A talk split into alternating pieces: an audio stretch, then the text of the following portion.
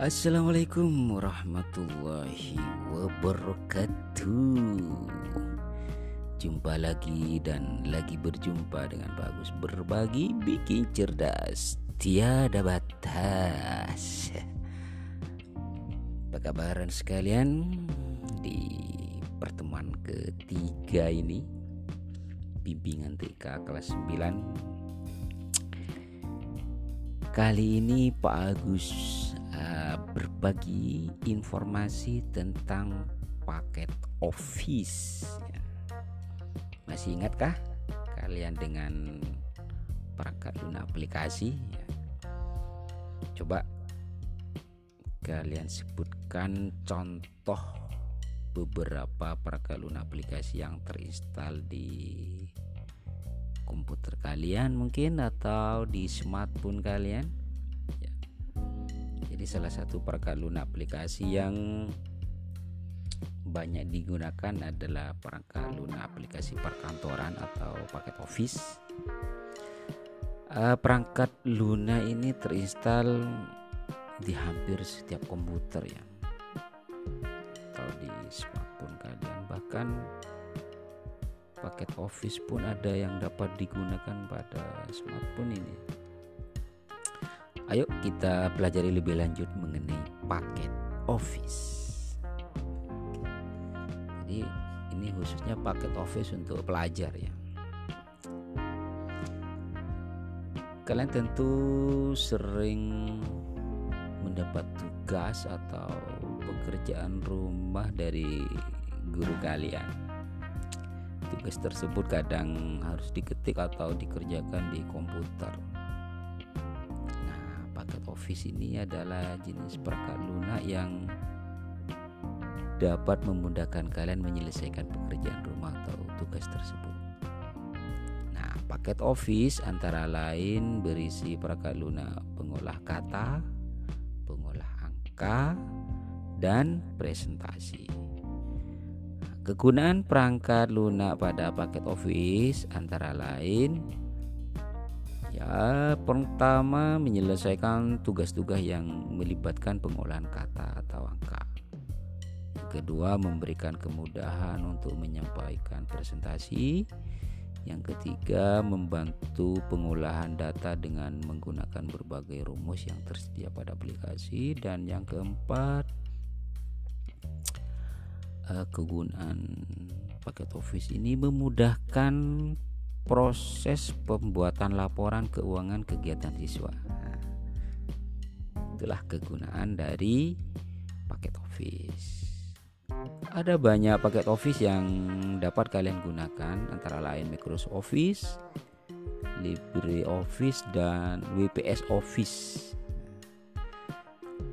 Nah, berikut penjelasan dari setiap paket Office tersebut. Yang pertama Microsoft Office ini sudah tidak asing lagi ya. Jadi Microsoft Office ini adalah paket Office buatan dari Microsoft ya. Perusahaan perangkat lunak yang juga membuat sistem operasi Windows. Ya. Microsoft Office ini memiliki aplikasi pengolah kata Word ya mungkin dikenal dengan MS Word. Ada aplikasi pengolah angka Excel dan aplikasi presentasi PowerPoint ya Microsoft PowerPoint. Terdapat pula aplikasi tambahan lainnya seperti aplikasi uh, database akses dan aplikasi publikasi ada publisher ya. Yang kedua ada paket Office itu LibreOffice. Ya. LibreOffice ini adalah paket Office yang bersifat free atau gratis dan open source ya. LibreOffice ini merupakan pengembangan dari paket Office OpenOffice.org ya. Memiliki aplikasi pengolah kata writer, aplikasi pengolah angka calls, ya.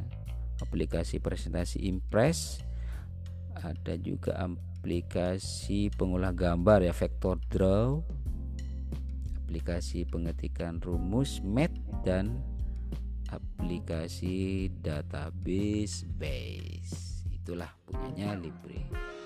Yang ketiga yang sering juga ada WPS Office. WPS Office ini adalah paket Office buatan Kingsoft yang memiliki tampilan seperti Microsoft Office. Ya hampir sama ya gitu. Nah, WPS Office ini memiliki aplikasi pengolah kata Writer, presentasinya uh, presentation dan aplikasi pengolah angkanya namanya spreadsheet. Nah, WP Office ini juga dapat digunakan untuk membuka file PDF. Oke, mari kita sekarang mengenal lebih dalam lagi dari Microsoft Word. Sebagai contoh kali ini uh, Microsoft Word versi 2016. Jadi Microsoft Office ini adalah salah satu paket Office yang paling banyak dipakai. Pada bagian ini kalian akan mempelajari aplikasi pengolah angka yang terdapat pada Microsoft Office. Eh, sorry, pengolah kata ya. Yaitu Word 2016. Kalian juga bisa lihat di buku materi ya. Jadi di gambar 1.16 itu jendela aplikasi Word 2016 itu terdiri terdiri atas elemen-elemennya. E, misalnya di situ yang pertama quick access toolbar ya. Itu yang posisi di pojok kiri atas itu berisi tombol yang sering digunakan antara lain save, undo dan redo. Ada title bar untuk yang paling atas tengah-tengah itu menampilkan judul dari dokumen yang sedang dibuka. Yang ketiga ada ribbon. Itu adalah area yang berisi semua tombol, menu dan opsi pengaturan dokumen yang dikelompokkan ke dalam beberapa tab. Tampilan ribbon akan berubah sesuai dengan tab yang diklik. Jadi ada tab file itu berisi menu untuk pengaturan file atau aplikasi Word, ada tab home mengatur operasi copy paste, copy paste, font, huruf dan paragraf. Ada lagi tab insert ya, untuk menyisipkan objek seperti tabel, gambar, atau tautan, link, komentar, kotak teks dan simbol. Yang keempat ada tab desain ya, itu untuk mengatur desain dokumen, misalnya memakai format tertentu atau menambahkan latar belakang yang unik. Ada tab layout itu untuk pengaturan tata letak halaman dan paragraf ya ada lagi tab reference. Itu untuk membuat pelengkap dokumen. Misalnya membuat daftar isi footer atau catatan kaki daftar pustaka dan indeks. Selanjutnya ada tab mailing. Ini untuk pembuatan surat massal. Atau juga untuk membuat label ya label undangan itu ya dan amplop Selanjutnya tab review. Ini berisi opsi yang berkaitan dengan review dokumen seperti pengecekan ejaan atau spelling, penerjemahan, pemberian komentar, dan mencatat perubahan atau penyuntingan yang dilakukan. Ada lagi tab view. Ini untuk mengatur dengan tampilan dokumen. Dan yang terakhir tab help untuk meminta bantuan seputar penggunaan web. Nah, selain dari tab-tab tersebut, itu adalah tab-tab apa istilahnya? Tab utama ya. Ada pula tab yang hanya muncul ketika kalian mengklik objek tertentu. Misalnya ketika kalian mengklik objek gambar ya, maka akan muncul tab picture tool. Atau ketika kalian mengklik objek tabel, maka akan muncul tab tabel tool table tools ya. uh, setelah itu ada lagi elemen namanya grup. Jadi grup ini merupakan pengelompokan tombol menu dan opsi pada tab berdasarkan fungsinya. Pada beberapa grup itu terdapat tombol dialog atau dialog box launcher yang terletak di pojok kanan bawah. Nah, tombol dialog tersebut jika diklik akan menampilkan kotak dialog tertentu yang berhubungan dengan grup tersebut. Ada lagi status bar yang itu ada di pojok kiri bawah. Itu akan menampilkan informasi seperti halaman dokumen, banyaknya kata, dan bahasa yang digunakan. Selanjutnya, tampilan pengatur tampilan dokumen. Nah, berisi tiga tombol ya. Ada di kanan bawah. Itu untuk mengubah mode tampilan dokumennya di situ ada read mode, ada print layout dan web layout. Selanjutnya zoom control. Zoom control ini ada di sebelahnya pengaturan tampilan itu ada di paling kanan bawah yang digunakan untuk mengatur uh, perbesaran tampilan dokumen. Dan yang terakhir ada ada scroll bar. Jadi scroll scroll bar ini ada di paling kanan ya untuk menggulung halaman dokumen. Itulah mengenai tampilan Microsoft Word. Nah, sekarang kita akan belajar membuat laporan tugas ya, dengan menggunakan Microsoft Word. Oke, setelah mengenal tampilan Word, berikutnya kalian akan belajar menggunakannya untuk membuat laporan tugas sekolah kalian. Oke, sebuah laporan biasanya terdiri atas beberapa bagian. Yang pertama cover atau sampul, ada kata pengantar, daftar isi, pendahuluan, pembahasan, penutup dan lampiran. Nah, dengan menggunakan Microsoft Word kalian bisa membuatnya dengan Oke, yang pertama misalnya kita akan membuat cover. Jadi cover adalah halaman terdepan dari sebuah laporan atau sampulnya. Jadi cover antara lain tuh berisi judul dan identitas pembuat laporan. Nah, bagaimana langkah-langkahnya? Adapun langkah-langkahnya pertama silakan kalian klik tab insert.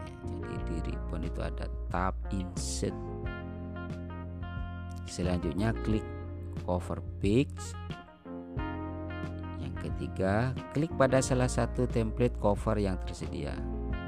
Ya, coba kalian uh, sambil lalu lihat pada gambar 1.17 ya jadi di Word itu menyediakan beberapa pilihan cover yang bagus dan menarik. Kalian dapat menggunakan salah satunya sesuai selera kalian. Selanjutnya, cover yang kalian pilih akan secara otomatis muncul di halaman pertama dokumen. Pada halaman cover terdapat beberapa placeholder seperti titel untuk judul laporan dan autor untuk nama pembuat laporan. Klik pada placeholder tersebut kemudian ketik untuk mengganti teks di dalamnya. Gampang sekali. Selanjutnya bagaimana untuk mengatur format isi laporan. sebelum mengetik isi laporan, pendahuluan, pembahasan, penutup dan lampiran, ada beberapa pengaturan yang perlu kalian lakukan antara lain satu mengatur ukuran kertas silakan kalian klik tab layout klik size lalu pilih ukuran kertas. Selanjutnya mengatur ukuran margin. Jadi batas pengetikannya batas eh, pengetikan batas atas bawah kiri kanan. Caranya klik tab layout klik margin. Lalu silakan pilih ukuran marginnya kalian. Yang ketiga mengatur jenis huruf. Jadi hurufnya diatur caranya klik tab home klik drop down font silakan kalian pilih jenis hurufnya. Yang keempat mengatur ukuran huruf. Ukuran hurufnya ya. Jadi caranya klik tab home klik drop down font size. Silakan ubah ukuran hurufnya. Yang kelima mengatur indent dan jarak antar paragraf. Jadi mengatur jarak antar paragraf. Caranya klik tab layout ubah angka pada kolom indent dan spacing. Yang keenam mengatur spasi paragraf klik tab home. Ya klik icon line and paragraph spacing pada grup paragraf. Silakan pilih spasi yang dikendaki. Dan yang terakhir mengatur header dan footer. Jadi header itu kop atas yang footer yang catatan kaki di bawah itu ya. juga bisa untuk memberi nomor halamannya jadi caranya klik tab insert pilih header dan footer yang diinginkan pada grup header dan footer. Nah, setelah pengaturan tersebut dilakukan, baru kalian mengetik isi laporannya. Itulah cara e, mengatur format isi laporan. Selanjutnya, bagaimana cara membuat daftar isi? Daftar isi ini dapat dibuat secara manual dengan mengetik judul dan nomor halamannya. Kalian bisa juga membuat daftar di sini secara otomatis dengan Microsoft Word. Syaratnya setiap judul bab, subbab, dan seterusnya harus memakai style yang disediakan pada grup style di tab home. Nah, untuk memberi style caranya adalah dengan meletakkan kursor pada baris di mana judul bab atau subbab berada. Kemudian kalian klik style yang sesuai dengan grup style yaitu heading 1 untuk setiap judul bab, heading 2 untuk setiap judul subbab dan seterusnya. Coba kalian perhatikan e, contoh penggunaan style pada gambar 1.11 ya. E, eh, 1.19 di situ penggunaan style heading ya, pada judul bab pendahuluan. Nah, seperti itu. Oke, setelah semua bab dan subbab diberi style yang sesuai, tempatkan kursor pada halaman tempat daftar isi yang akan diletakkan. Kemudian klik tab reference, klik tab of content. Nah, klik salah satu model yang tersedia, misalnya automatic table 1. Nah, automatic table 1. Nah, Daftar isi akan muncul secara otomatis seperti uh, coba kalian lihat di gambar 1.20 ya. Nah, itu nanti akan otomatis muncul daftar isinya. Nah, kelebihan dari daftar isi otomatis ini adalah jika judul atau halaman bab atau subbab berubah, maka tinggal klik tombol update tabel. Table. Pada bagian atas kolom daftar isi atau pada tab reference, daftar isi tersebut akan otomatis menyesuaikan dengan judul dan nomor halaman yang baru. Itulah cara membuat uh, daftar isi. Oke, selamat mencoba. Pada pertemuan ini sampai di sini dulu. Silakan sambil lalu kalian uh, lihat latihan 1.3 di classroom. Semoga kalian memahami. Jika ada kendala, pertanyaan silakan hubungi Pak Agus Berbagi. Bikin cerdas, tiada batas. Jaga kesehatan. Semoga kalian sehat semua. Assalamualaikum warahmatullahi wabarakatuh